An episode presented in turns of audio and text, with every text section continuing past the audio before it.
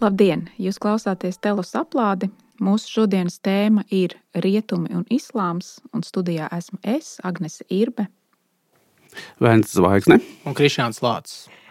Šīs sarunas ierosme eh, lielā mērā bija mm, notikums 2022. Eh, gada, nu, šī gada augustā, kad tika sadurts eh, Salmans Ruštī, britu rakstnieks, kurš tajā laikā atradās Amerikā un uh, sadurts un smagi savainots, joprojām saistībā ar viņu 1988. gadā iznākušo romānu Sātaniskās vārsmas, kas ir tulkots arī latviešu.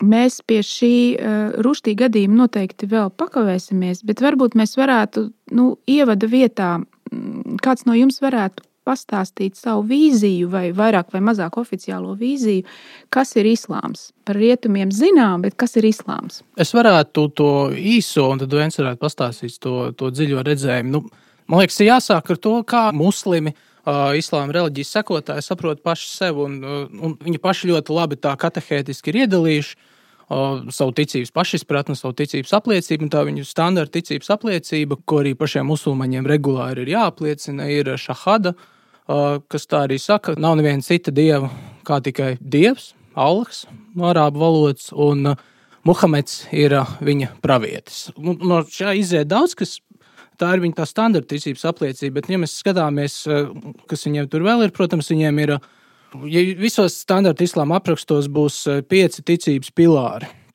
vai ne, no kuriem viens ir, protams, šī šahada, ko es jau minēju, žēlstības dāvana došana nabadzīgajiem, lūkšanas piecreiz dienā, ko es vēl nenosaucu. Svētceļojums. Svētceļojums tiem, kas var, un gavēšana Ramadāna mēnesī. Un tas ir šie pieci islāma pilāri, nu, tas drīzāk tas, ko mēs varētu nosaukt par islāma praksi, reliģisko, nu, kas viņiem ir jādara, lai viņi skaitītos musulmaņi. Un, nu, jā, un kam viņiem jātic? Nu, viņiem jātic dievam, kurš ir tikai viens dievs, un Muhamedam, kā viņa pravietim, kurš savu galējo pēdējo dieva atklāsmi uh, ir saņēmis no arcāņģeļa dieva vēstneša Gabriela, jeb Džibrila.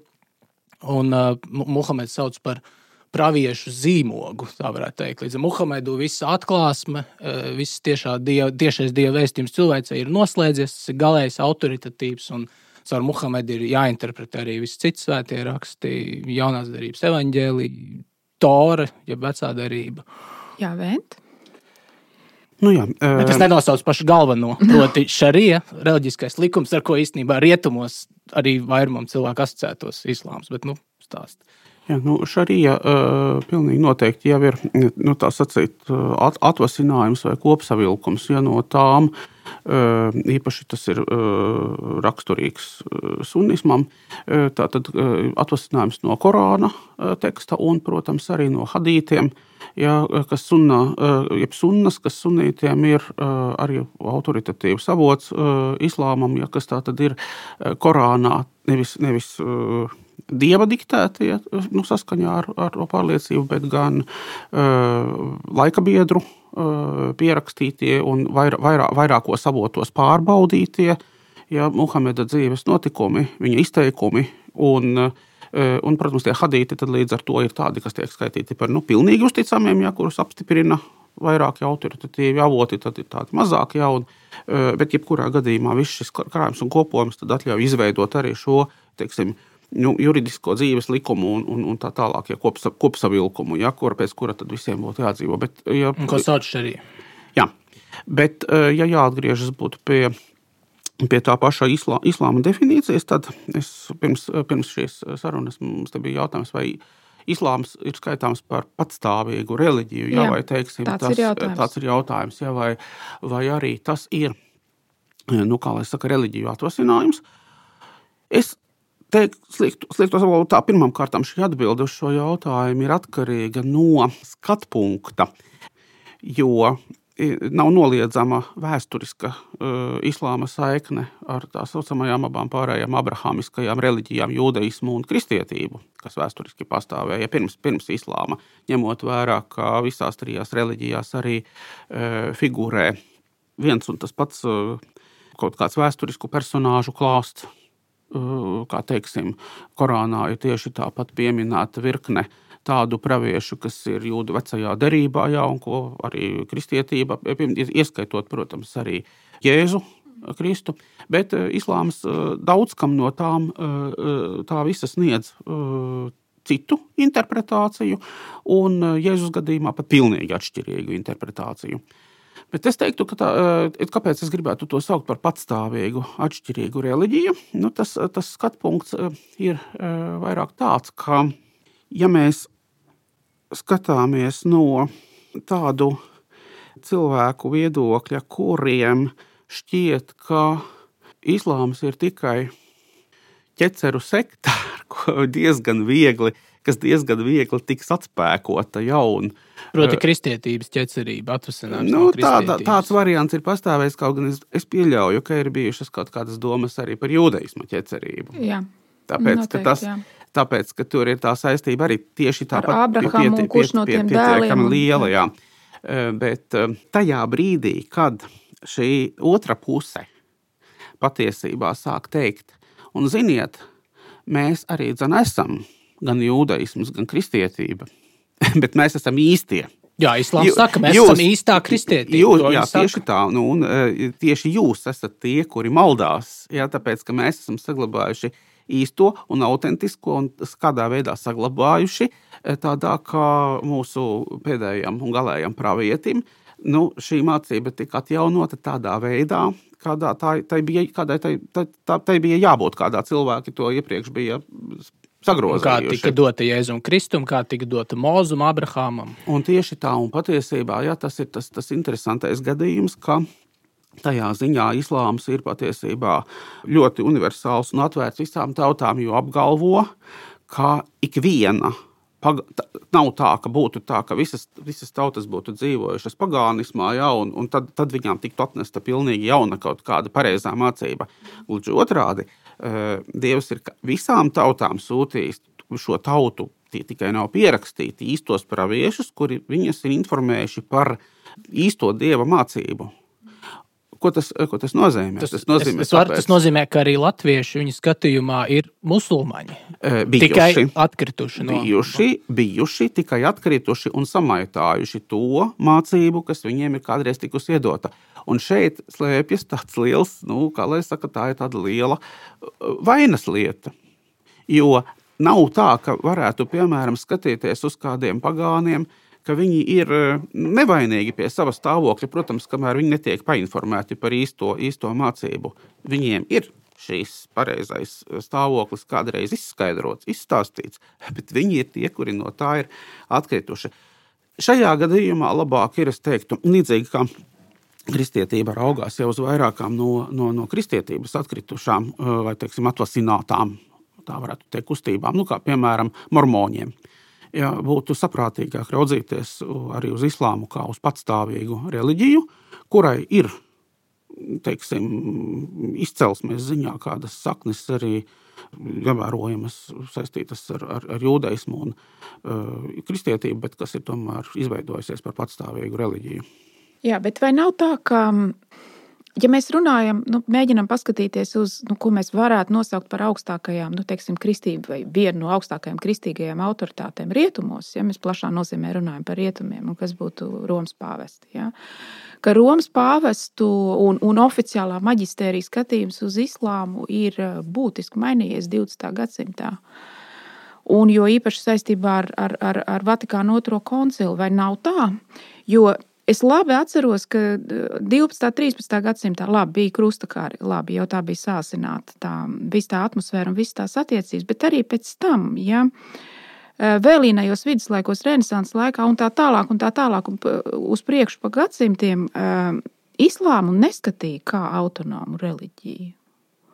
Akvīns Toms arī skatās uz islāmu kā uz ķecerību, un viņi tā mēģina atspēkot uh, nu, tā standarta argumentācijas veidā, kādu lieto pret ķecerību. Tad var, bet būtu diezgan neloģiski teikt, ka tā kā islāmu neizdevās kristiešu apoloģētiem, ja, vai arī jūdu, piemēram, ja, atspēkot ar nu, argumentiem, pārliecināšanu, nezinu, aizlūgumiem un tā tālāk, tad nekas cits neatlika kā atzīt to kā reliģiju tikai tāpēc, ka tā ir tik spēcīga. Vai, vai tā varētu teikt?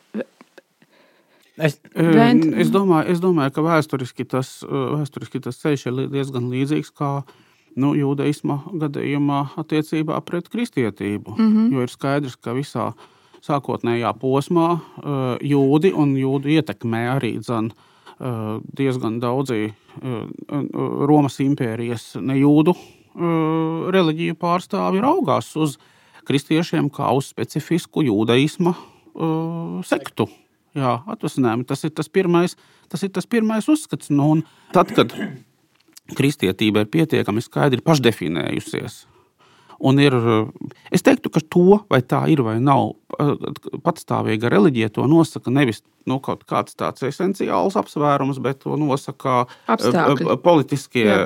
un nu, nu, nu, nu šie reliģiskie apstākļi ir pastāv pilnīga iespēja, ka mācība, kas sākotnējā posmā ir tikusi uzskatīta ja, par novirzienu, deviāciju, sektu, nu, pēc tam iegūst patstāvīgas reliģijas statusu, tāpēc ka vienkārši citādi uz kļūst neloģiski skatīties. Jā, jā Krišķi, es drīkstu nelielu savu interpretāciju, kāpēc man šķiet, kāpēc otrais Vatikāna koncils, kuram mēs šajās dienās svinam 60 gadu jubileju atvēršanas, kāpēc viņi kaut kādā ziņā leģitimizēja Romas baznīca, leģitimizēja islāmu kā blakus stāvošu citām šīm lielajām reliģijām.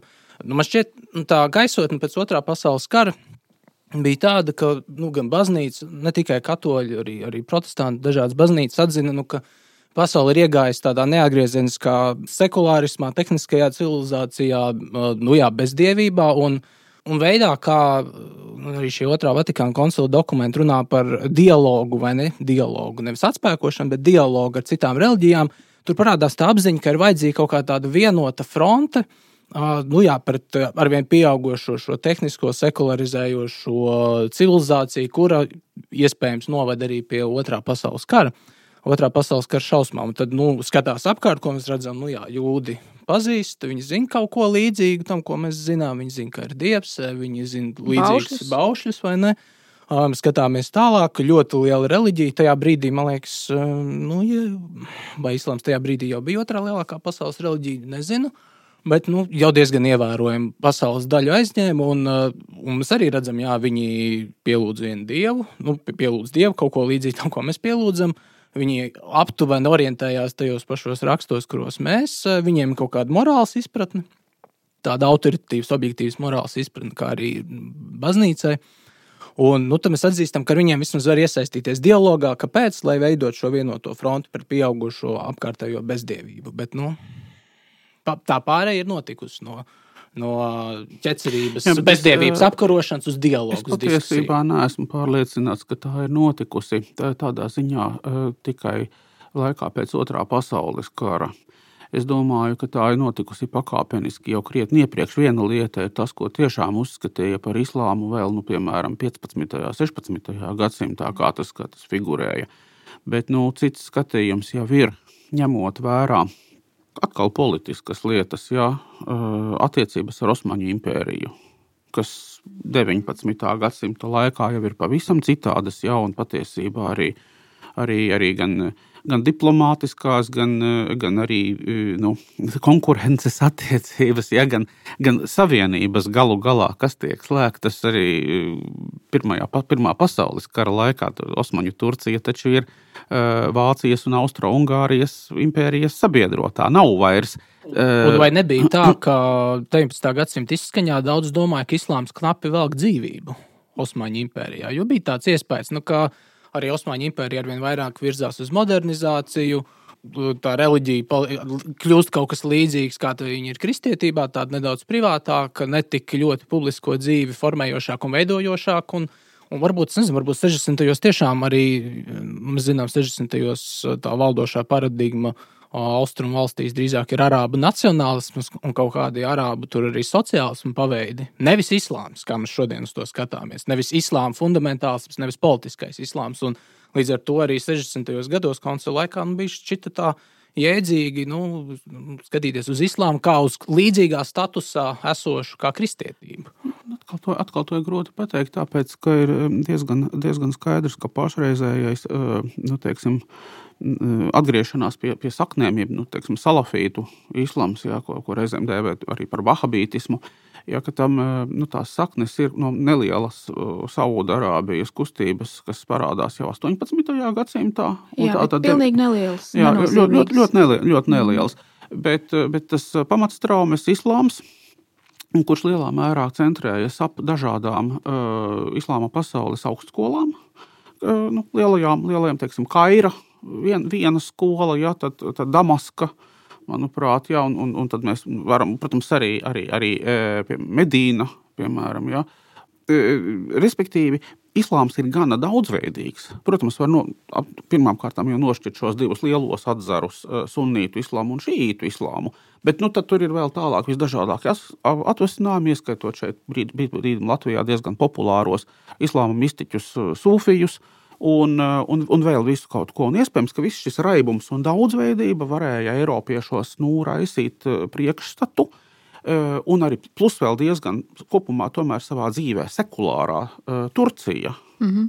ja, kas bija ļoti gan, gan, gan daudznacionāla, gan daudzkulturāla, īpaši lielpilsētas, tādas kā Konstantinopola vai Aleksandrija, kurās gan bija gan eiropiešu, ja, gan Āzijas, gan, gan viss, kas kopā ka tas viss ir virzās arī uz šo pasaules modernizāciju, katrā ziņā uz tādu, kā 20. gadsimtā ir vērojams uh, autentiskā islāma meklējuma un islāmisma atgriešanos tādā veidā.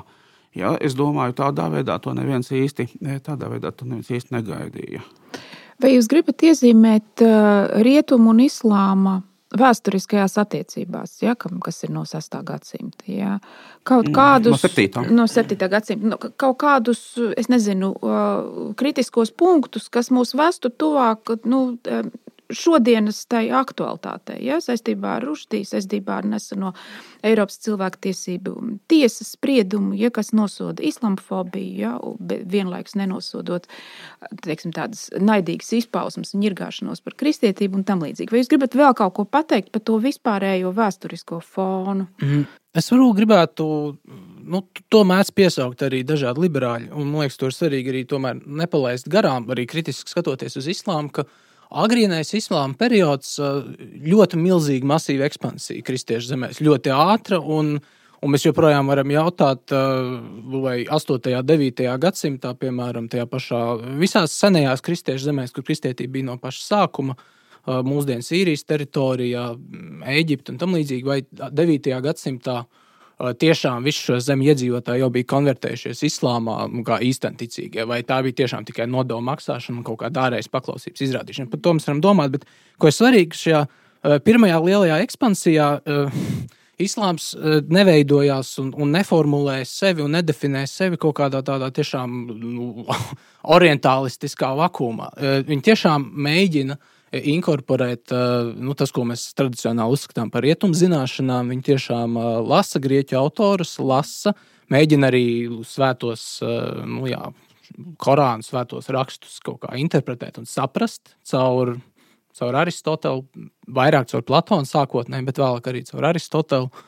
Uh, un, un, un kaut veidot kaut kādas sintēzes. Un, tad, attiecīgi, tas periods, ko mēdz uzskatīt par Islāma zelta laikmetu, ko, es nezinu, viens man varētu palabot, kas tas varētu būt 10, 10 11, 12. Tas gads. ir no Eiropiešu skatu punkta. Ah. Jā, jo nu, skaidrs pašā Islāmā viņi neviennozīmīgi vērtē šo Islāma. Neviennozīmīgi vērtē, ne, jo nu, viņiem tur šķiet pārāk daudz eh, sapinušies ar rietumiem, šiem pagānu filozofiem un mm. tam līdzīgi. Bet Skaidrs, ka tas no islāma puses notiek vismaz līdz 12, 13, labi, 10 gadsimtam. Notiek mēģinājumi arī kaut kā nu, saprast rietumu kultūras mantojumu, intelektuālās kultūras mantojumu. Bet nu, skaidrs, ka jau no paša sākuma islāma un rietumu attiecību vēsture ir nu, tāda vairāk kā konfrontācijas vēsture. Jā, es, es gribētu iezīmēt nedaudz man šķiet atšķirīgu skatījumu. Es lielā mērā kaut kā esmu ietekmējies no ziniet, tās biezās grāmatas, ja, kas ir Normana Deivisa Eiropas vēsture. Un, un patiešām liecos piekrist viņa izvirzītajiem argumentiem par to, ka to, ko mēs šodien saucam par Eiropu, īpaši Rietumu Eiropu, ļoti, ļoti lielā mērā ir definējis islāms un nevis kristietība ar negatīvo sacīt, norobežojumu. Jo senās civilizācijas, abas divas antīkās civilizācijas, gan nemaz nerunājot pirmkārt par Helēņu civilizāciju, kas patiesībā Eiropas civilizācija tikpat kā nav. Helēņu visā Maķedonijas, Aleksandra impērijā, Eiropa ir tikai Grieķija kontinentālā. Visas pārējās šīs civilizācijas teri teritorijas ir vai nu Ziemeļāfrika, tas ir Eģipte, nu, vēl pat ne Lībija, tad Eģipte un Āzija. Mazāzija līdz pat Tirānai. Ja, tā tad nu, faktiski ja, līdz pat Indijai tore, toreizējai. Tā visa ir, un, protams, arī visa Levante, ja, Palestīna, Sīrija, Arābija, Divupe. Ja, tā visa ir Maķedonijas Aleksandra civilizācija. Tātad to pat nevar saukt par Eiropeisku. Romas impērija, protams, ir daudz vairāk eiropeiska, bet tāpat ar atvērtību ja, gan Āfrikas virzienā, tātad Ziemeļāfrika faktiski visa ja, tobrīd jau visa Ziemeļāfrikas piekrita, tad vidusjūra apkārt. Gan arī dzan, ne tik tālu, protams, cik Maķedonijas Aleksandram, bet arī dzan, visa Mazāzija, faktiski nu, tā tālākā robeža, ja, tad, tad uh, Trajāna laikos, ja, līdz pat uh, divupei, ja, līdz, manuprāt, Tigrai ir, ir, ir, ir šī šī vislielākā maksimālā civilizācija. Un viņa līdz ar to, neskatoties uz to, ka visu laiku turpinās arī gājiens, tālāks gājiens uz, uz, uz, uz ziemeļu virzienā, nu, Ģermānija, kā mēs zinām, paliek neiekarota. Ja, bet, nu, līdz Britānijai, faktiski vispašreizējā Francijas, Spānijas, Portugāles teritorijai, līdz Britānijai tiek romieši. Tā ir tāda impērija, kas nav specifiska tomēr Eiropas impērija. Ja, nu, geogrāfiskā nozīmē. Geogrāfiskā nozīmē. Uh, islāms velk robežas. Tas pats nesaglabājas diezgan ilgi arī kristīgajā pasaulē. Tā tad mums ir saglabājusies Austrumroma. Protams, ja tur ir šīs, šīs, šīs robežas, bet teorētiski nu, kristietība ir atvērta arī tur austrumvirzienā. Vēl ar vienu ir Ziemeļāfrika, visa kristietība. Un tad 90 gadu laikā burtiski karte pārmaiņās līdz nepazīšanai. Desmit gados paša Muhameda dzīves laikā pravieša visa Arābijas pussala. Tam vēl īsti neviens uzmanību nepievērš. Pēc tam knapi 30 gados visa līdzšinējā faktiski austrumu Romas tā, nu, Levantes daļa. Manuprāt, arī tajā laikā Eģipte, faktiski arī jau Irāna, kas, kas vairs nav arī krist, kas, kas vairs nav kristiešu uh, teritorija. Tātad Krišānis pieminēja tās kristiešu zemes, ja, bet tālāk ir arī Irāna.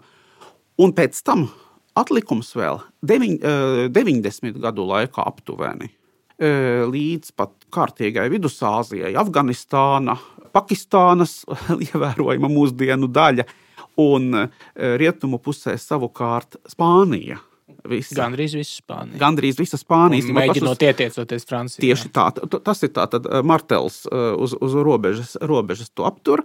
Ja, eh, paliek Basku zeme, ne zem islāma. Ziemeļāfrika visa pāriet iepriekšējās kristiešu zemes islāma ziņā. Pēc tam Eiropai seko pilnīgi cita vispār šī pozīcija un arī attīstās pilnīgi cits skatījums. Viņa Eiropa ir kļuvusi noslēgta. Tajā un, un virzienā. pats svarīgākais ir redzams islāmu vienkārši kā oponentu un agresoru. Protams, ja? protams kurš, tiecas, kurš tiecas tālāk, turklāt tie virzieni ir veseli, veseli trīs. Tā tad ir pirmais virziens, ir no rietumiem sākot, ja ir tā, tad Spānija jau ir islāma ziņā, tā tad tālāk Francijas virziens. Otrais ir šaurākajā vietā pāri vidusjūrai, tātad no Tunisijas, Itālijas virziens. Sicīlija. Sicīlija, protams, arī jau ir jau, jau, jau, jau vismaz daļēji islāma eh, ziņā. Un visbeidzot ir uh, austrumi, tātad, nu, kas savu kulmināciju, protams, sasniegs Osmaņu impērijas laikā, kad, kad robeža apstāsies faktiski pie Vīnes. Tas ir, bet nu, līdz tam vēl ir jāpaiet gadsimtiem. Tie, tie vēl nav, protams, šie, šie minētie kopā 130 gadi, jā, kas, kas, kas iezīmē šo teritoriju pašā Eiropā līdz ar to es teiktu, ka tas pilnīgi noteikti ir ietekmējis e, īpaši Rietumē Eiropas e, domāšanu par sevi. Domāšanu Jā. par sevi centrēšanos, apvienošanos. Nevelti parādās uh, Franku valsts ar Kārļa lielā impērija. Mēs, protams, varam teikt, ok, tur varēja būt arī viņu pašu uh, nu, iekšējie procesi, ja, kas beidzot uh, iedibina kaut kādu zināmu mieru un kārtību šajās uh, tāda vai cita atzara kristietību pieņēmušajās zemēs, kas tur arī savā starpā beigās, ja tur tā visas, visas cīņas starp, kā mēs zinām, starp kristietības ortodoksiju un starp ariāņiem un citām uh, jomām. Tātad, Plus vēl, plus vēl arī turpinās visa lielā tautu staigāšana, ja, kas turpina nākt iekšā austrumu Eiropā, ja gar, gar, gar Donavu, un, un, un aiziet, aiziet arī tālāk. Bet tas viss pamazām nostabilizējas un sākas ja, kaut kāda šī visa centrēšanās. Tāpēc, ka nu, no, tās, no, no tās austrumu puses tur Tur ir, viss, ir, iezī, ir iezīmētas robežas. Ir iez, un turpmākā vesels, es pat teiktu, nu, gadu tūkstotis pilnīgi noteikti. Ja, faktiski aizrit uh, vai nu atklātās konfrontācijās ar šo uh, otru spēku, ja, vai arī dzan, nu, vēlākos laikos konkurencē, nu, kas Pirmajā pasaules karā tomēr tāpat nonāk līdzi. Uh, nu, Bet nu, tā agrīnā simboliskā kulminācija tiešām, eh, nu, kas arī parāda Eiropu apvienot kā veselu un pret islāmu, ir vai ne krustakari ar mērķi atgūt Jeruzalemi kristiešiem. Jā, un krustakari, kas, kas apvieno kristīgos ķēniņus. Un krustakari, kas varētu būt, tomēr ir viena no kontroversālākajām lietām visā, arī pat ne mums te Latvijas kontekstā, bet nu, vispār Eiropas vēsturē. Patiesībā ir mēģinājums es tā domāju, nu, vismaz tās līdzības ir pārāk lielas, kaut kādā ziņā ņemt šo islāma ekspansiju par piemēru. Mēģināt darīt to pašu no otras puses. Bet kāpēc? Tas varbūt ir aizsardzības karš. Specifiski. Es, drīzāk tas ir tomēr atgūšanas karš. Tas mērķis, labi, tā viena lieta ir, protams, Austrum Romas patlikušās vairs, ja, tātad Bizantijas, kur kļūst ar vien mazāk un mazāk saucieni zināmā mērā pēc palīdzības. Un, kā mēs zinām, tā rietumie krustakariem palīdz vāji. Un uh, vienā brīdī šī, diemžēl, palīdzība vainagojas ar uh, Konstantinopolis nopostīšanu. 1203. gads, manuprāt, tas, ir, tas sakrīt apmēram ar šeit Latvijas Rīgas dibināšanu tā un krustneši noposta Konstantinopoli. Un, un tas, manuprāt, ir viens no briesmīgākajiem ķīļiem gan kristīgajā baznīcā, trakāks nekā šī oficiālā 1056. gada schizma. Ja, un, un tā, bet, bet, bet principā, jau tas, principā jau tas mērķis ir patiesībā nu, atgūt. Uh, to, to, to Levantes piekrasti. Kas bija kristīga, vēl paskatāmā tādā veidā. Jā, bet kristīga, bet nu, tās ir svētās vietas. Tās ir, tās ir svētceļojuma vietas, ja tā, nu, tas, tas ir tas mērķis. Un, bet lielā mērā es domāju, ka to vada tā doma ir tāda pati, kāda bija. Ja, ja to varēja izdarīt musulmaņi, tad to varam izdarīt arī mēs, kristieši.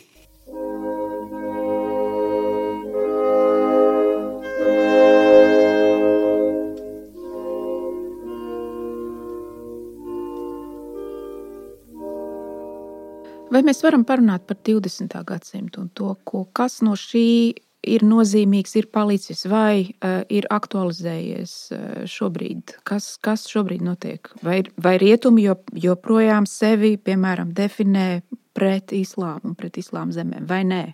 Es teiktu, ka vienā brīdī Eiropieši, kas ir Eiropiešu vai Rietumu civilizācijas varas visaugstākais periods, 19. gadsimta nogales impērijās, man liekas, Eiropieši. Nu, jau bija iegūta tāda sajūta, ka, nu, tā skaitā, Britu impērijā, ka ir nu, kaut kādā veidā svinētu uzvaru pār islāmu, ka islāms nu, kā tāds politisks spēks ir atkāpies kaut kur, nu, vai kā draugs jau kaut kur tādā, tādā mīkrēslī, nav tik svarīgs. Un, e, Agrāk vai vēlāk viņi arī kļūs, e, e, gribēs baudīt civilizācijas, proti, Eiropas civilizācijas labumus, un par to nav jāuztraucas. Taču, kas notiek 20. gadsimtā, vai ne, impērijas sabrūk, uh, Um, impērijas sabrukumu interesantā kārtā pavada arī, ja tā varētu teikt, reislamizācijas viļņi, proti, politiskais islāms uh, daudzās bijušo impēriju teritorijās darbojās kā tāds anti, antiimperialistiskais, tāds dekolonizējošais spēks. Tas būtu viens, kas notiek uh, šajās pašās islāma zemēs. Bet otrs ir, kas notiek 20. gadsimtā, islāms nonāk Eiropā daudz vairāk, daudz lielākā apmērā pēc otrā pasaules kara nekā nu, vispār līdz šim. Nekā jebkad. Jā. Kāpēc? Nu, globalizācijas procesa rezultātā tirgus, brīvais tirgus, brīva darba spēka plūsma, iespēja imigrācija, nu, bieži vien tad, nu, bieži vien to skata kā rietumos, kā atbildi uz uh, valdošajām demografiskajām problēmām. Nu, Rietumē Eiropas valsts grib saglabāt savas dāsnās labklājības valstis, lai labklājības valsts darbotos, mums vajag nodokļu maksātājus un vispār patēriņu noiet tirgu. Uh, nu, kas var būt nodokļu maksātāji, ja bērni nedzimst, tie var būt imigranti. Nu, kas būs imigranti, tie, kas no bijušajām impērijas zemēm steigsies uz, uz Eiropu. Tie būs pārsvarā islāma reliģijas piekritēji. Jā, vent. Mazliet paturpinot, es gribētu pat teikt tā, ka uh, islāma ieplūšana Eiropā lielā mērā ir manā uztverē kolonizācijas turpinājums, respektīvi uh, tas, ka koloniālās lielvalstis tomēr, lai arī politiskā ziņā palaiž brīvībā, ja tā tad notiek brīvlaišana šīs savas bijušās kolonijas un dažādos veidos mēģina ar tām nu, no, iedibināt vēl ar vien labas attiecības, jo intereses šajās uh, zemēs vēl ar vien ir, nu, tad uh, lielā mērā arī dot tādas, kā lai saka, brīvās robežas uh, ar, ar domu, ka tādā veidā būs vieglāk uh, savstarpēji nu, gan sadarboties, gan es pat teiktu, zināmā mērā kontrolēt jā, šīs bijušās kolonijas, gūt labumu no gūt tām, labumu jā. no tām. Atvērt tur savas, savas, savas zemes uzņēmumus, bieži vien resursu ieguves uzņēmumus, raktuves un tā tālāk. Tas, protams, neatiecas tikai uz islāma zemēm, jo tas attiecas arī uz to, piemēram, nu, subsahāras Āfrikas daļu, ja kurā islāms ir nav noteicošā uh, reliģija. Bet, uh, vai, vai tā ir konspirācijas teorija, vai tā ir taisnība, ka Eiropas Savienības dibinātāji tēvi domājot par to nu, Eiropas vienoto ekonomisko vai nezinu, kultūras vai sadarbības telpu, viņi kaut kādā ziņā, nu, skatoties caur Franciju, to Eiropas uh, areālu izpleta līdz, nu, labi, nevis līdz Eirābijai, bet nu, jā, līdz Ziemeļāfrikai, līdz tajā brīdī vēl uh, nu, ciešā tādā Francijas paspārnē esošajām franču kolonijām Ziemeļāfrikā. Līdz ar to Alžīrija, Tunisija, varbūt kaut kādā ziņā Maroka nu, jau tiks skatīta kā, nu, arī kā inkorporētas Eiropas projektā. Jā, es, es domāju, drīzāk, es, protams, man grūti arī pateikt, vai tā ir sazvērestības teorija vai, vai tā. Vai tādi plāni tiešām ir bijis kaut kas vairāk, nu, kā tikai tāda fantāzija, bet viena lieta ir skaidra, ka Eiropas Savienība pilnīgi noteikti uh, iedvesmoja kaut kādā mērā Romas impērijas gan, gan, gan, gan teritorija, ja, gan nu, nu, tās veidols. Ja, un, un, un, protams, ka Romas impērija nozīmē arī Ziemeļāfriku, abus, dienvid, abus krastus. Eģipti. Jā, tieši tā, tas ir visa vidusjūras piekraste abās pusēs. Un, un tāpēc līdz ar to tad, tas arī ne, necik nepārsteigtu, ka šī doma ir tāda, ka nu, Eiropa Eiropa, Eiropa varētu nākotnē kaut kad eh, kļūt atkal par uz citām, citiem pamatiem veidotu, bet nu, pēc būtības Romas impērijas tādu mantinieci. Un, piemēram, Lielbritānija arī mēs šobrīd arī tīpaši pēc Brexit redzam to uh, postimperiālo loģiku, kur impērija ir beigusies, bet kaut kādā ziņā vēl turpinās. Uh, labi, viņi ir norobežojušies no Eiropas Savienības kaut kādā ziņā. Labi, mēs neņemsim vairs nu, šos it kā nīstos Baltos vai ne Austrumē Eiropas darba ļaužus, lēto darba spēku, bet mēs kļūsim par globālo Lielbritāniju. Atceramies, tas ir viens no arī Borisa Džonsona saukļiem. Lielbritānija aizvaroties Eiropai, nu, kontinentālajai Eiropai, atvērsies pasaulē. Ko tas nozīmē? Tas nozīmē, mēs atveramies.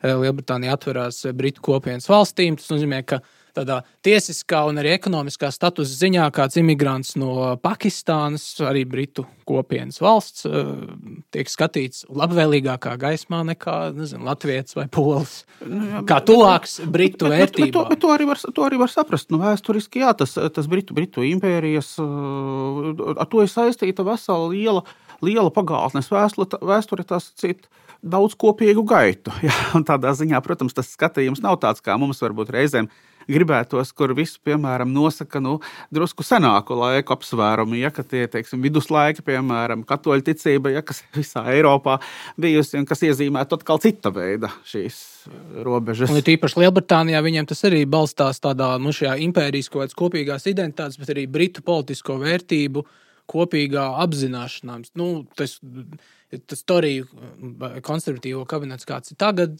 ļoti etniskā ziņā raips, izcelsmes ziņā raips. Arī Boris Džonsona laikā tur būs indieši, tur būs pakistāņu izcelsmes, briti, kuri, jā, nu, viņi pēc visām pazīmēm lielā mērā būs britu konservatīvie. Viņi būs, tur nezinu, Bērka, Edmunda Bērka lasītāji un sekotāji. Viņi priecāsies par šo britu angļu tiesību, jeb common law tradīciju un, un par mērenu valdību, par konstitucionālu valdību, bet nu, viņi nav eiropieši šajā. Šajās pieminētajās valstīs, ja tevis pieminētā Lielbritānija, un es varētu varbūt vairāk kaut ko pateikt par Franciju. Tātad uh, oficiāli uh, muslimu ja, vai no, no muslimu valstīm nākošu cilvēku, imigrantu skaits nav lielāks par 10%. Francijā nav pat 10%. Mums ir tāds zināms, jā, jā, mēs zinām, tas, nu, nu, ja varam ticēt Cerams. valdības mājaslapā, ir, ir zināms, tad, ka savu, savu, savu reliģiju kā islāmu deklarē cik 9% apmēram cilvēku. Ja, pie tam lielākā daļa no viņiem nav praktizējuši tādā aktīvā veidā. Ja. Tādējādi tas jautājums ir, ir jāpaceļ. Kā, nu, Eh, nu, no divām pusēm. Ja? Kādā veidā tad eh, šim islāmam, kur klātbūtne izskatās ir uz palikšanu šobrīd, ja rietumos, tas ir spējīgs nu, tādā veidā nu, ne tikai nodarīt kaitējumu, bet arī, es teiktu, šobrīd terorizēt plašas cilvēku masas ja, ar, tādiem gadījumiem kā, kā Ruštī grāmata ja, un, un, un tas sekas pēc šīs grāmatas publicēšanas, ar tādiem gadījumiem kā terora akti Francijā. Viņi tomēr ir šaus, šaušalīgi. Tas, kas notika Bataklanā, ja, tas, kas notika Šarlī Hebdo nu, tajā Eh, žurnāla izdošanas tajās telpās, jau virkni citiem. Vienlaicīgi mēs šajā pašā Francijā, kur ir tik, tikko 10%, cilv, 10 no cilvēkiem, mēs redzam, ka tās organizācijas, nu es to redzu, lasot presi, ja, eh, gan liberālā spārna, gan vairāk konservatīvā spārna. Konservatīvais spārns vicinās ar rokām un bļauj ārprāts, kas tagad notiek. Liberālais, spēr, liberālais spārns pavadīja daudzus gadus visu laiku kauninot ar islamofobiju. Islamofobija nedariet to, ja, tad viņi tā kā iemācījušies to vārdu kā mantru. Tagad viņi sākuši kā, nu, nedaudz piebremzēt, ja, jo redz, ka tātad, redz islāmā reāli draudu, kurš atrodas viņu teritorijā. Sakiet man, ja es pārspīlēju šobrīd, vai nē? Uh, nē, nu, teiktu, Kas notiek šobrīd? Uh, nu, pēdējos, nu, nu. Makro, uh, Makrona Francijas gadījumā mēs redzam, nu, Makrons tāds, tāds uh, centrisks lepotājs, bet nu, mēs redzam, mē, jā, ka islāms, ne, politiskais islāms tiek atzīts par problēmu. Uh, Bet nu, ko tas apdraud?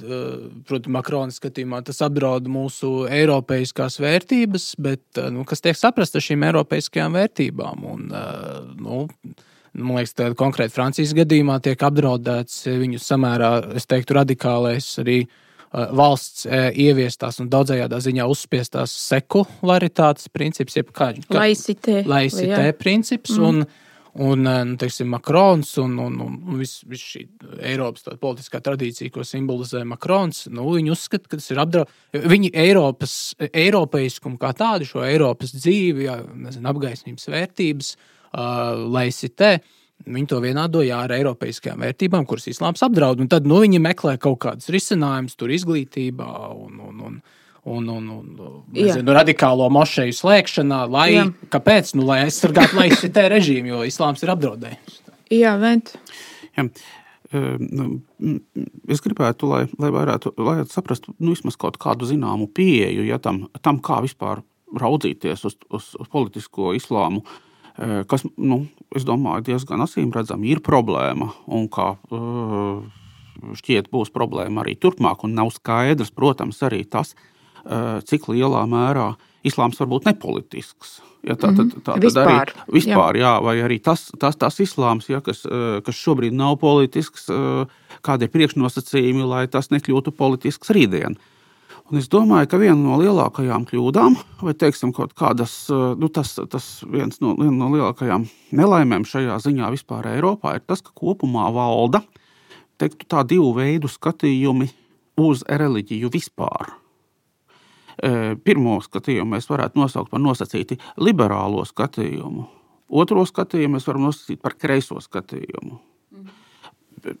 Trešo, kas varētu būt nu, saka, reliģiozais skatījums uz reliģiju, nu, to lielā mērā pārstāv teiksim, biežāk, pat ja mēs lasītu grāmatas, tad es, tad es redzu, ka tās ir nu, teiksim, kādi amerikāņu evaņģēliskie kristieši.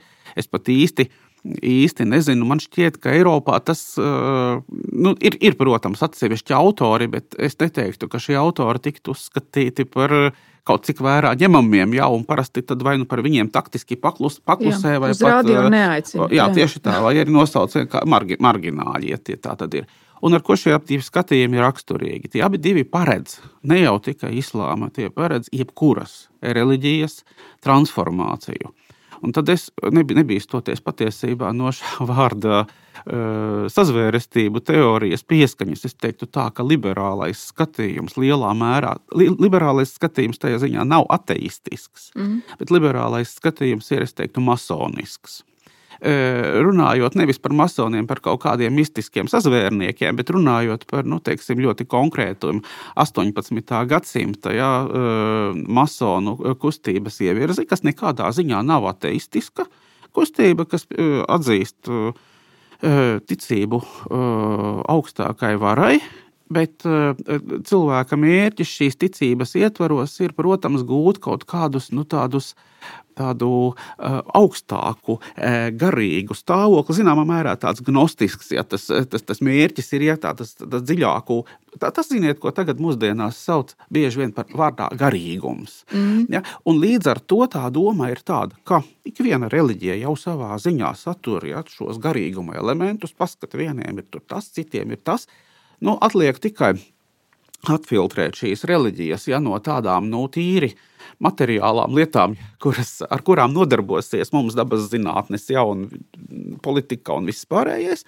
Un savukārt, un savukārt reliģija līdz ar to paliek cilvēka tādas individuālās dzīves faktors, kur katrs, protams, izvēlas sev piemērotāko garīguma formu un nu, pulcējas kaut kādos savos reliģiskos sajietos, ja, lai, lai būtu nevis tikai mīsīgs cilvēks, ja, bet arī, arī Garīgs. ga- garīgs. Lai viņš Šis ir tātad tādu liberālais pasauli- Es skatījums. teiktu, ka tas ir liberālais skatījums. Proti, reliģija kā privāts uzskats, personīga pārliecības sajūta. Bet Sev, ne, savas, bet... savas uh, sa, nu, kā lai saka, sa, uh, savu sajūtu, sajūtu celsmē.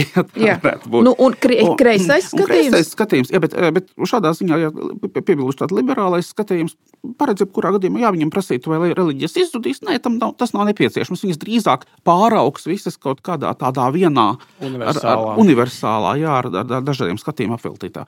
Un kreisais skatījums savukārt, nu, kā jau no, no, no šī kreisuma 19. gadsimta izveidošanās, ir izteikti ateistisks. Ar lielāku uh, vardarbību, vai ar lielākām, mm, lielākiem satricinājumiem, vai arī lēnām un pakāpeniski, jebkurā gadījumā šis skatījums paredz pirmkārt raugās jeb, uz kur jebkura reliģisko pasaules skatījumu, nu, kā uz cilvēka nomaldiem, pārsvarā nepietiekamas informācijas dēļ pagātnē, uz to, ka cilvēks ir centies izskaidrot pasaules lietas, viņam nesaprotamās, ja, saucot tālāk kaut kādus pārdabiskus spēkus, un līdz ar to nākotnē ir paredzama reliģiju atmiršana. Un, Un kāda ir kreisā politika visā šajā? Un uh, pati kreisā politika var būt uh, dažāda, nu, teiksim, tāda kā Padomju Savienībā vai vēl citās kādās Eiropas un arī, protams, Ķīnā un tā komunistiskajās valstīs vienkārši reliģijas vajāšanas, kas pašreiz nav nekādā ziņā tā. Vismaz tiešā veidā mēs varētu, protams, parunāt par netiešiem veidiem, bet nu, tiešā veidā netiek izvirzīta kā tāds obligāts pienākums Bet, uh, jebkurā gadījumā, tā pat vis, nu, mērenākajiem kreisajiem, tā doma ir cilvēku pakāpeniska izglītošana un informēšana līdz brīdim, kamēr viņi no saviem reliģiskajiem maldiem atsakās. Un kāda, kā, kā tas viss attiecas uz islāmu? Nevienā, ne otrā gadījumā līdz ar to. Tīri raugoties vērā šo pārliecību par cilvēka pirmām kārtām vēlmēm, tieksmēm un par visas pasaules kopējo attīstību, Nevienā no šiem gadījumiem islāmu nevar uzskatīt par paliekošu draudu. Pat ja tur tagad ir kādas tādas, ziniet, redziet, Nesmukumi, sa, nesmukumi sāsinājumi, ir kādas slepkavības, ir kādas, ir kādas, ir kādas tam līdzīgas lietas. Jo jebkurā gadījumā šī viena daļa pasaules tālāko attīstību redz, ka pilnīgi visas reliģijas pāraugs sevi un kļūs par universālu, no materiālās pasaules zināmā mērā atrautu tādu garīguma reliģiju, apmēram tāds, kāds ir operas apmeklējums. Ja, noskaņojumu. Noskaņu, noskaņojumu jā. nu, mēs, mēs arī uz operu dodamies baudīt mākslu. Nu, tad cilvēkiem var būt viņu kaut kādas reliģiskās vietas, kur viņi dodas baudīt garīgumu. Savukārt, kreisā to neparedz par uh, nu, pastāvīgu draudu vai, teiksim, mm, kaut ko tādu, pret ko būtu ļoti, ļoti fundamentāli jāvēršas, tāpēc, ka viņi saka, labi, tas arī tikai ir uz laiku, jo reliģijas beigās atmirs vispār. Bet kā var izskaidrot kreiso mēdīju, kreiso organizāciju, to milzīgo atbalstu teiksim, tādai islamofobijas apkarošanas kampaņām, nu, kas ir ļoti redzams? Kaut vai tas pats piemērs ar to ruždī, ja, jo šajam gadījumam ir jau 30 gadi, ja tas no 88. gada turpinās ir diezgan pārsteidzoši vērot uh, arī vēsturiski, kas ir rakstīts par viņu romānu, kurā es personīgi nespēju saskatīt nu, nekādu ņirgāšanos par pravieti uh, Muhamedu. Ja? Bet, labi, bet citiem ir cits skatījums, bet nu, es tiešām nespēju saskatīt tur, tur, ka viņu neatbalstīja. Īsnībā viena no retajām personām, arī tad, kas viņu atbalstīja, bija nu, jau mirušais Kristofers Hitchens, ja, kurš ļoti skaidri ieņēma to pozīciju. Uh, Šis ir vārdu brīvības jautājums, šī ir sirdsapziņas brīvība, šī ir izteiksmes brīvība. Drīkst publicēt arī šādas grāmatas, kuras kādi var uzskatīt kā islāma vai kādu citu reliģiju izsmejošas. Ja? Uh, Hitchens bija viens no retajiem, kas stingri turēja šo pusi lielākoties. No, Un es tajā saskatu bailes. Ja? Es saskatu arī, piemēram, The Guardian publikācijas par Ruždiju. Ja? Tas ir interesants, izpētes vērts fenomens. Principā viņi sagaidīja, ka Ruždija atvainosies, lai neaizvainotu ja? šos, nu, šos cilvēkus, kurus šī grāmata ir aizskāruši. Lai gan likās, ka lielākajā daļā gadījumu viņi vispār nav to izlasījuši. Tas diezgan sarežģīts teksts tomēr. Un viņi redzēja tomēr Ruždī kā, kā cilvēku, kurš varbūt neapzināti, varbūt kāda cita iemesla dēļ pats ir kūdījis un savā ziņā, nu, varbūt gandrīz var teikt, saņem pēc nopelniem. Ja, es gribētu noskaidrot Jā, vairāk uh, par to kreiso pozīciju nu, ja, un, un kā tā atšķiras no kādām citām pozīcijām. Nu, šīs divas venta piesauktās pozīcijas, eh, kreisa liberālā, šodien jau ir nu, kaut kādā ziņā saplūdušas. Tas pats, tas pats arī Francijā, nu, tur, liekas, tas radikālais eh, valsts uzspiestais laicisms. No vienas puses, jā, tā ir tāda masonu izpratne, bet no otras puses, eh, kreisa. Bet, nu, labi, kas ir mainījies, manuprāt, arī kreiso ideo, nu, ideoloģijā, filozofijā, politikā, jo tiešām 19. gadsimtā kreisums, it īpaši tā populārākā formā, marksismā, uh, Tā ir tāda ļoti, kā lai to pasaka, monistiska, koherenta, tāda monolītiska ideoloģija, kur tiešām paredz apkarot un iznīcināt reliģiju, jo reliģija ir viena no viltus apziņas formām, viena no formām, ar kurām cilvēks tiek strādnieks vai nezinu, apspiestais, tiek turēts tādā kā pakļautībā. Uh, nespējot sacelties un mainīt savu stāvokli, nespējot emancipēties nespējot pāriet no nepieciešamības valstības uz brīvības valstību, kā viņi saka. Bet kas notiek īpaši pēc otrā pasaules kara?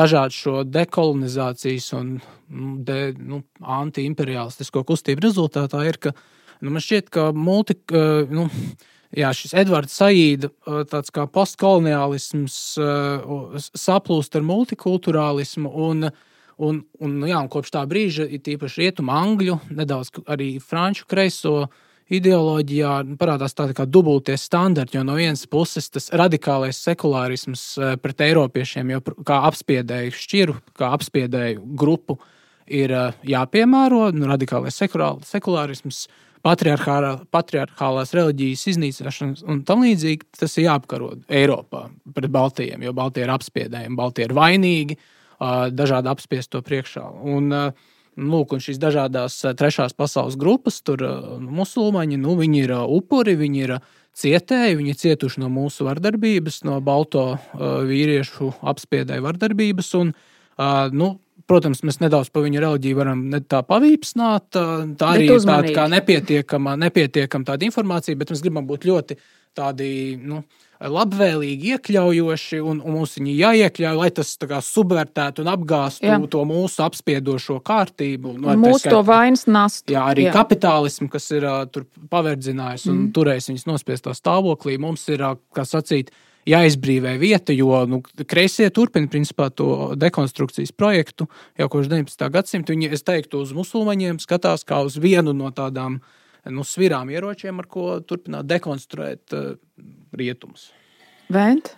Es lielā mērā e, piekrītu šajā ziņā Krišjānam. Es domāju, ka runa pirmām kārtām tiešām ir par uh, taktikas jautājumu. Kāda ir pareizā taktika? Tā tad jau skaidrs, ka tas gala mērķis būs šī reliģiju atmiršana. Uh, Bet uh, ir jautājums, vai, vai tā ir tā cīņa, ar ko būtu jāsāk uh, vispirms, ņemot vērā, ka tad, ja sāks ļoti aktīvu vēršanos uh, arī tajā sakarā, uh, pret, pret tiem, ja, kas ir nu, ļoti reliģiozi salīdzinoši teiksim, ar lielu mm, da, skaitu Eiropas kristiešu.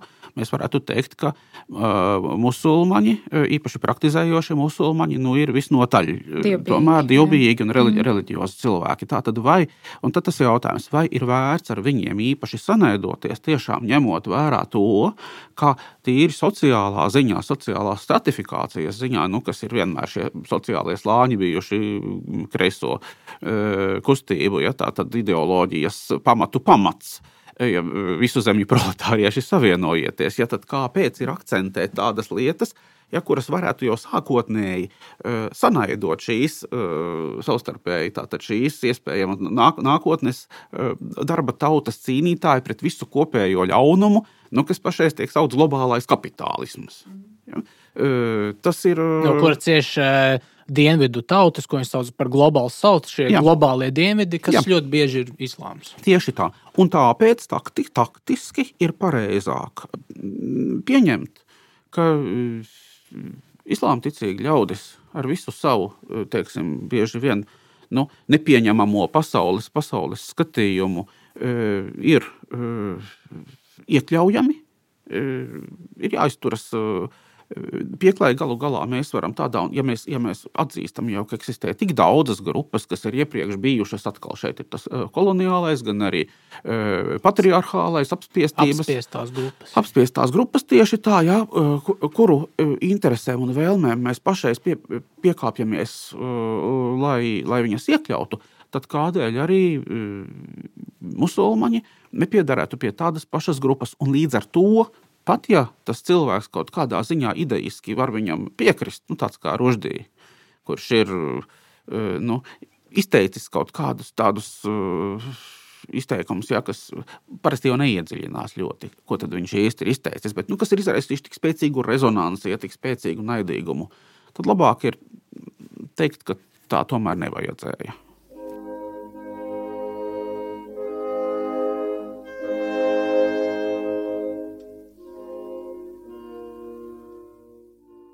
Pēdējos 20, 25 gados, man šķiet, vai varbūt pat mazāk, jā, aizvien skaļāk izskan no, no, no Eiropiešiem, rietumniekiem, ja, no domātājiem. Ja, tāda tēze, kurai pat zināmā mērā iespējams piekrīt nu, teiksim, tas pats franču rakstnieks Mišels Velbeks, kuram ir romāns pakļaušanās, kas arī apspēlē ja, šīs bailes no islāma nākšanas un tieši no, no politiskā islāma. Un, Tātad ar to pamat, tā pamatēze ja, būtu tāda, ka šī laicitē, ja, šis mīkstais sekulārisms, šis tāds, tāds, nu, tāds garlaikotais liberālisms ir pārāk vājš, lai stātos pretī islāmam, kurš ir daudz labāk organizēts, kas sastāv no cilvēkiem, kas ir daudz, daudz pārliecinātāki par sevi un, starp citu, gatavi mirt par savu pārliecību. Un ka vienīgais realistiskais veids, kā rietumi, ja tie vispār grib izdzīvot, ja tie vispār grib izdzīvot, teiksim, Velbeks gandrīz tieši, tiešā tekstā to saka, spēj sevi aizsargāt un reģenerēt, būtu tos no iekšpuses uh, lielos apjomos rekristianizēt, lai islāmam stāvētu pretī nevis uh, liberālisms, sekulārisms, iekļaušana un kaut kas tamlīdzīgs, bet uh, kristietība. Organizēta reliģija, dogmatiska. Bet nu, lūk, mums jānonāk pie tā jautājuma, nu, pie galvenā jautājuma par, jā, par rietumu rekristianizāciju. Piemēram, tā paša Salmana Ruždīga gadījumā, nu, labi, mēs arī tā pašausmināmies. Nu, Par viņu likteni. Par, par viņa likteni, viņu nesadūru. Man liekas, viņš izdzīvoja vai ne? Čārstēs. Uh, uh, viņu sadūru mēs tā pašausmināmies, bet uh, savā dedzībā, uh, ja mēs skatāmies no tādu nacionālu konservatīvu kristiešu pozīcijām, savā dedzībā nosodīt uh, musulmaņus, mēs nedrīkstam, uh, nu, manuprāt, mēs nedrīkstam no viena grāva iekrist pretējā grāvī, jo uh, nu, piemēram, Ruždīga gadījums, tā problēma, ko nolikt zem kategorijas vārda brīvība.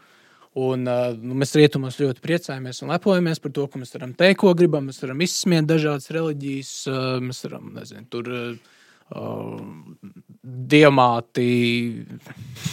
Es pat nezinu, kā tur rakstīts. Droši. Diamāti, uh, diamātas uh, figūru apmes, apmētāt ar izkārnījumiem vai uzlikt uh, varavīksnes karogu diamāts uh, nimbam fonā un tam līdzīgi. Un Mēs to visu varam, mēs lepojamies ar to, mēs, jo mēs esam rietumi, mēs esam brīvi, mēs esam, esam ļoti uh, iekļaujoši un toleranti. Tā ir tāda rietuma vērtība. Bet es to redzu kā problēmu līdz ar to tajā brīdī, kad tiek sadurts ruždī. Uh, un, un viss saka, kā ar tur vārdu brīvību mums ir jāapkaro musulmaņi vārdu brīvības uh, vārdā. Uh, nu, man neceļās roka, jo es zinu, nu, kāda ir šīs vārdu brīvības saks. Tas tāds, ka kaut kas tiek teikts, vai runāts, vai publiski pausts, vai uh, publiski performēts, uh, nu, neatbildot uh, par saviem vārdiem, neizvērtējot vispār šī konkrētā akta patiesumu, labumu. Nu tā, un tas būtu tikai viens gadījums, proti, nu, tāda neierobežota patvaļa, neierobežota brīvība, ko no vienas puses, jā, musulmaņi ar savu stingro reliģisko paklausību apdraud, bet no otras puses, man, kurš, kurš, kurš arī uzskata par diezgan reliģisku cilvēku, nu, man neceļās roka šo uh, patvaļu aizstāvēt. Nu, šo, šo neierobežoto toleranci pret dažādām, dažādām uzskatu, viedokļu un arī reliģiju izpausmēm. Jā, nu mans uh, skatījums varbūt tomēr ir um, drusku atšķirīgs. Lai arī dzan atkal jau uh, droši vien ir arī kaut kādas, uh, teiksim, kaut kāda ideja par kaut sarkanajām līnijām, kur, aiz kurām nevajadzētu vairs aiziet, ir arī man.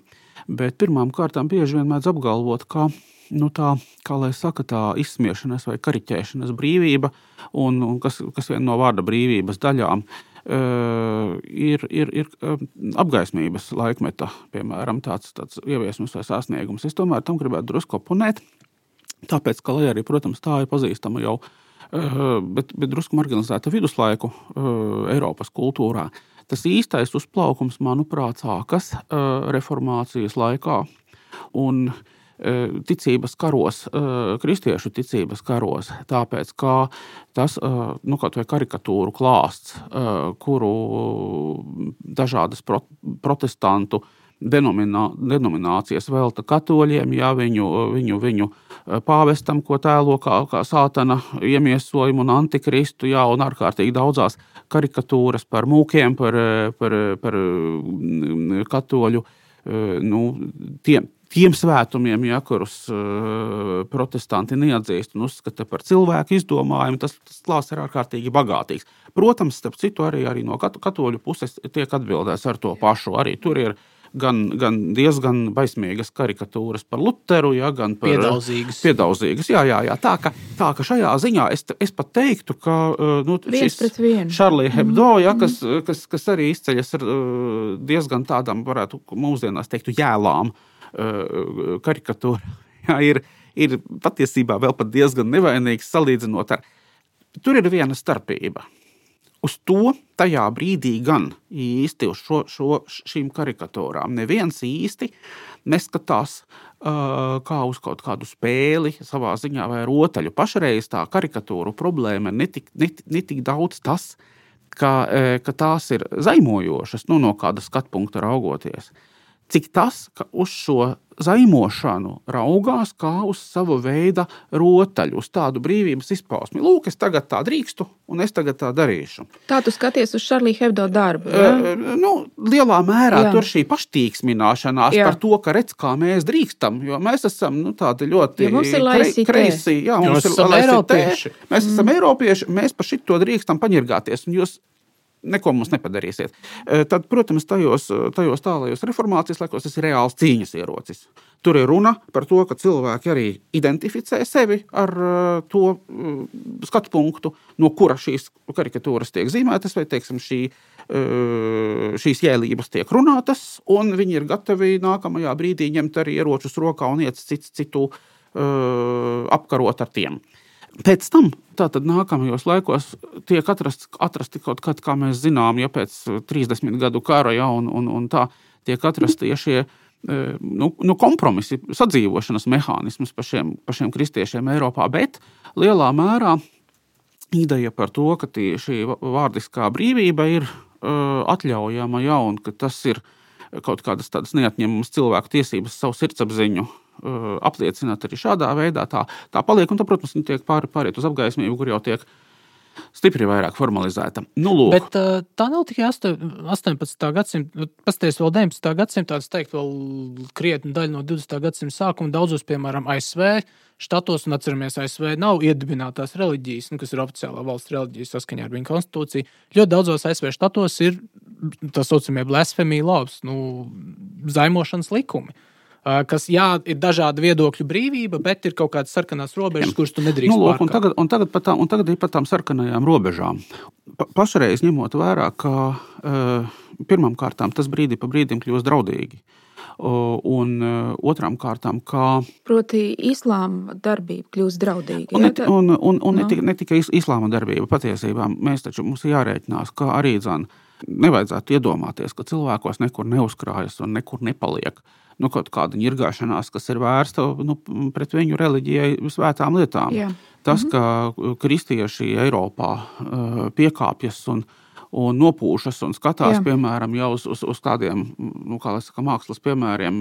Es, es laikam šajā gadījumā tomēr teiktu mākslas pēdiņās, piemēram, eh, kādus krišānis nosauca. Nenozīmē, ka tas viņos nesaglabājas, ja, un ka tas kaut kādā brīdī, nu, kaut kādā veidā manifestējas. Bet te ir jautājums, pēc, kuriem, pēc kurām piegrieznēm šīs sarkanās līnijas vilkt. Un te nu gan es gribētu pabrīdināt. Un tas ir arī runājot par Ružģīgu gadījumu. Ja islāma gadījumā šos, šīs līnijas grib vilkt pēc paša islāma standartiem, tad tādā gadījumā tās ietver ārkārtīgi daudz ko tādu, ko Eiropiešu kultūrā, arī attiecībā pret kristietību, arī attiecībā pret reliģiju vispār, nu, nekad e, visos laikos neviens nebūtu skaitījis par zaimošanu par apstrīdamu lietu, varbūt jā. jā. E, stingrājā, teksim, nu, kā saka, salafītismā, islāmā, e, gan e, pravieša tēls, gan jebkuras citas lietas ir tik tālu normativizētas, patiesībā pat nedrīkst izrunāt pravieša vārdu, aiz tā neminot kādu no uh, formulām, ja, uh, kas, kas ir, ko pieraksta, piemēram, nu, mēs reizēm redzam, ka uh, rakstījis ir musulmanis, ja tad ir uh, Muhameds SAS, ja tas ir tā tad attiecīgās vērtības formula, ja tad, lai dieva žēlastība ar viņu jau vai, vai tam līdzīgi. Un, uh, tam mēs īsti diez vai varēsim kādreiz pievienoties vai piekārtoties. Visticamāk, runa ir par to, ka sarkanās līnijas tādā gadījumā Eiropa vēl atbilstoši kaut kādiem, nezinu, pakāpjoties soli atpakaļ, eh, savas eh, civilizācijas vai reliģijas standartiem, un tad citiem ir jāsamierinās, ka eh, nu, šajā gadījumā arī viņu gadījumā nekā pār tām sarkanajām līnijām. Eiropieši jau arī nu, rietumu, ja, kultu, kristīgās kultūras locekļi, pat ja viņi ir eh, neticīgi šobrīd, viņi arī īsti nevar saprast to, eh, to būtisko atšķirības, kas pastāv starp vēsturiski kādreiz bijušiem eh, zaimošanas likumiem Eiropas valstīs un teritorijās, ja, un to, ko islāmā uzskata par zaimošanu. Un tā, tā būtiskā atšķirība ir tāda, ka nu, rietumos mums būtu, tā, kas arī liktos saprātīgi, tendence teikt, nu, ka nevajadzētu zaimot nu, pašas tās svētākās lietas. Ja? Nu, teiksim, eh, Kristus ķermenis, ja? Eh, Kristus māte, ja? Eh, Kristus kā bērns, ja? nu, varbūt Dievs, varbūt svētais gars. Ja? Bet, bet savukārt Islāmā tas uzsvars ir, kas bija ļoti labi redzams arī tajā veidā, kā viņi izvērtēja to ruždīgu grāmatu, kas, es vēlreiz atkārtoju, sastāv no sapņojumiem, vīzijām, iekšējiem monologiem, kurus izsaka cilvēki, kur kaut kur parādās pravietis Muhameds, kur parādās eņģēlis Gabriels. Bet nu, tu, tu nereizi nav iespējams, tāpēc, ka tas ir romāns, skaidri pateikt, lūk, šis ir raždīja viedoklis, te viņš tagad pauž savu tur, ja, teiksim, necieņu pret pravietu Muhamedu.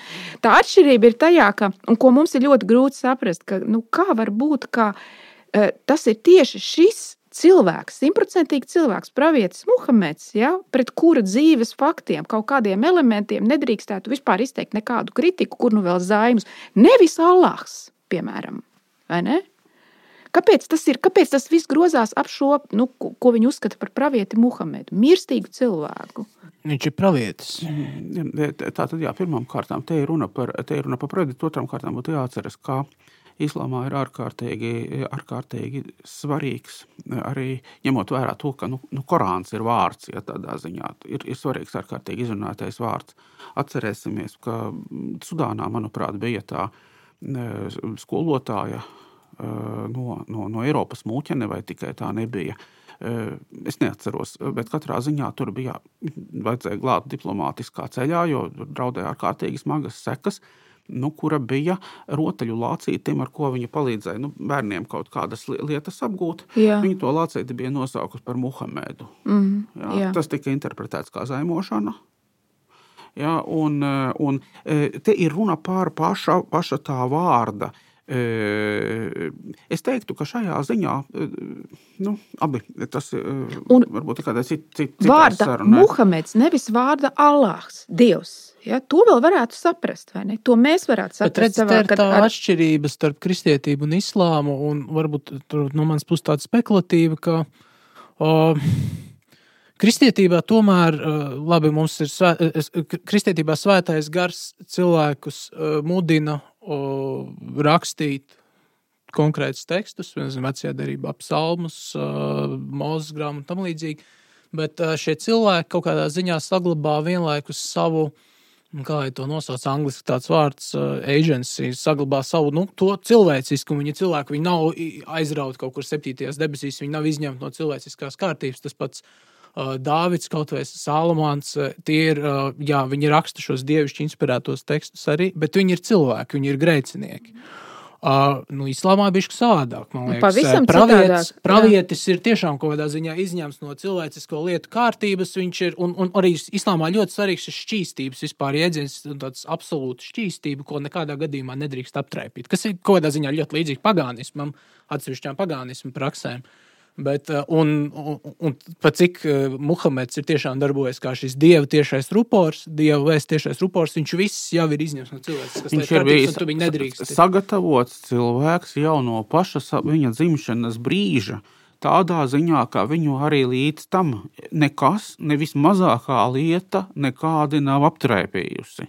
Jo, ja tas tā citā nebūtu bijis, tad kā gan varētu viņam tikt iedoti šie uh, nu, absolūtie vārdi, par kuriem islāma teologi ir strīdējušies, vai tie ir bijuši jau pirms pasaules, vai Korāns ir pastāvējis jau pirms pasaules radīšanas, vai tomēr tas ir parādījies jau, jau, jau pēc, pēc pasaules radīšanas. Korāns ir perfekts un pilnīgs kā pats dievs. Jā, jā, jā. Tā ir.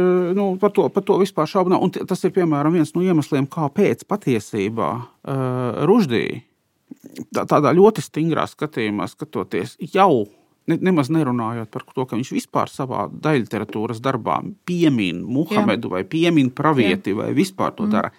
Pat tas, ka viņš raksta daļliteratūras darbu, jau ir ļoti apšaubāmi. Mm. Jo, nu, tur, ir, e, tur mēs varam aiziet, aiziet diezgan tālu šajos, šajos iespējamos ierobežojumos, kuri, protams, ne visur ir, tiek ievēroti un ne visur ir vienādi. Tur mēs varēsim atrast nu, ļoti dažādas e, viedokļus par to, uh, ko, ko, ko vajag un ko, uh, ko drīkst un ko nedrīkst.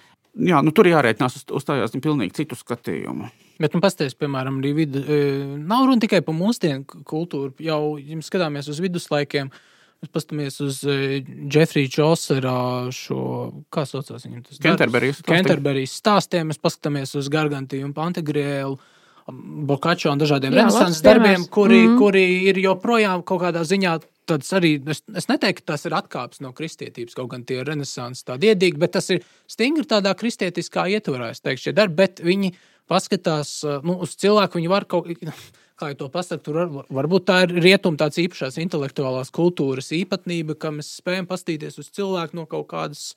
Nu, nezinu, Jā, bet no man jā, jāteic, gan, ka, jāteic gan, ka to šo darbu tapšanas laikā man šķiet, ka Čoseram gan uh, tas neizpelnījās. Es vismaz neatceros, lasījis kaut kādus lielus pārmetumus, bet Bokačo un īpaši jau Rablē ir pilnīgi noteikti kaut kādus periodus bijuši starp aizliegtajiem darbiem, ko. ko nu, Bet viņus pašus par... neviens nav nogalinājis par to.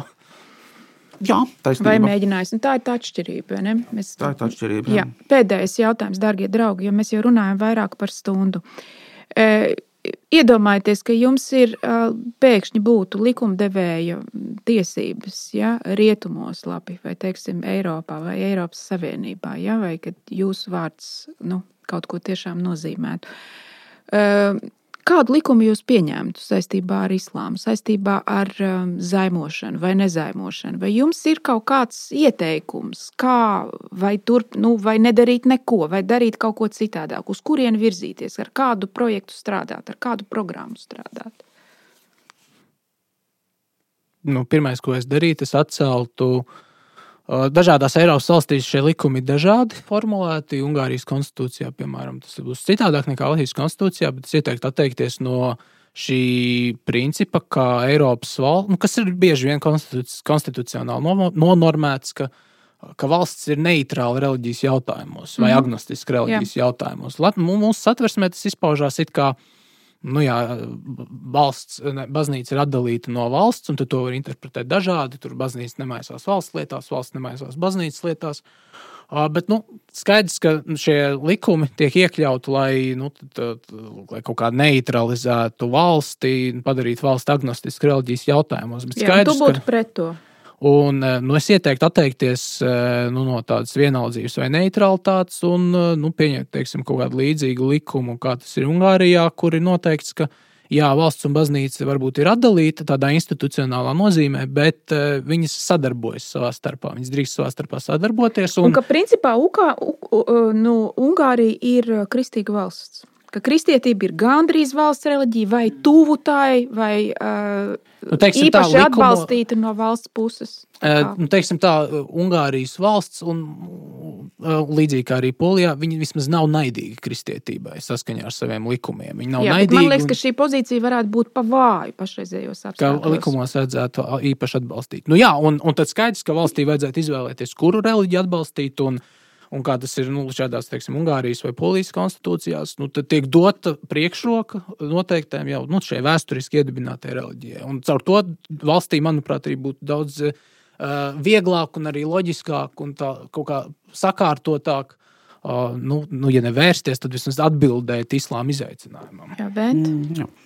Nu, es šeit esmu drusku skeptiskāks pret tīri to, ka tas, tas īstais uh, risinājums būs, būs valsts uh, reliģija, tāpēc ka mēs zinām, ka gan apvienotajā karalistē ir anglikānismam valsts reliģijas status. Ties. Gan mm. Dānijā ir Lutheriskajai baznīcai val, val, valsts reliģijas Jā. status, un tas Jā. vēl pats par sevi nav nav risinājums mm. šai lietai. Tīri tādā ilgtermiņā man, mans uh, sap, sapnis vai rosinājums būtu uh, izpratnes maiņa, arī saprotot uh, draudus un izaicinājumus par to, um, kas vispār ir uh, reliģija, kā cilvēciskās dzīves uh, fenomens. Ja? Un pat ja, uh, pat ja uh, netiek, netiek atceltas ja šīs manis minētās liberālā un kreisā pieeja, tad tām vismaz ir jā, jāsarūmējas un jādod vieta arī šai reliģiskajai pie, pieejai, kura katrā ziņā neparedz cilvēku reliģiozitātes, veikšanos tādu vai citu iemeslu dēļ. Runa ir nevis par uh, tāda veida reliģiozitāti, kas ir vienkārši garīgums, bet runa ir par to, ko uh, nu, institucionāli pret, pret, pret, jā, institucionāla un tā, ko bieži pret pretēju pusi saka ārprāts, tie taču ir reliģiski fanātiķi. Jo, ko nozīmē tas ziņā reliģisks fanātiķis? Tas nozīmē, ka cilvēks. Praktizē. Uh, pra, bet praktizēšana šajā gadījumā nozīmē, ka viņš visu savu dzīvi piekārto, ka nav piemēram tā, ka uh, es esmu reliģijos tajā brīdī, Svētdienā. kad es ieju savā, mm, jā, jā. Teiksim, savā mājas lūkšanā telpā, jā, vai teiksim, svētdienā baznīcā tam līdzīgi. Es esmu reliģijos 24 stundas diennaktī. Jā. Mana uh, rīcība, darbība, izvēles dienas laikā, uh, pat arī ārējie apliecinājumi ir pakārtoti reliģijai uh, 24 stundas diennaktī, un tad ir vieglāk arī saprast uh, islāma ticīgos piemēram, ja musulmaņus, un saprast, ka šīs, šīs lietas nav tā, ka labi, vēl 20, vēl 30, vēl 50 gadi, un viņas beigsies. Tiklīdz kā man ar, uh, oponents saka, nu, bet beidziet, pēc 50 gadiem vienkārši nebūs vairs tāda ne islāma, ne kristietības. Es saku, paldies, šo, par šo tēmu vairs nav ko runāt.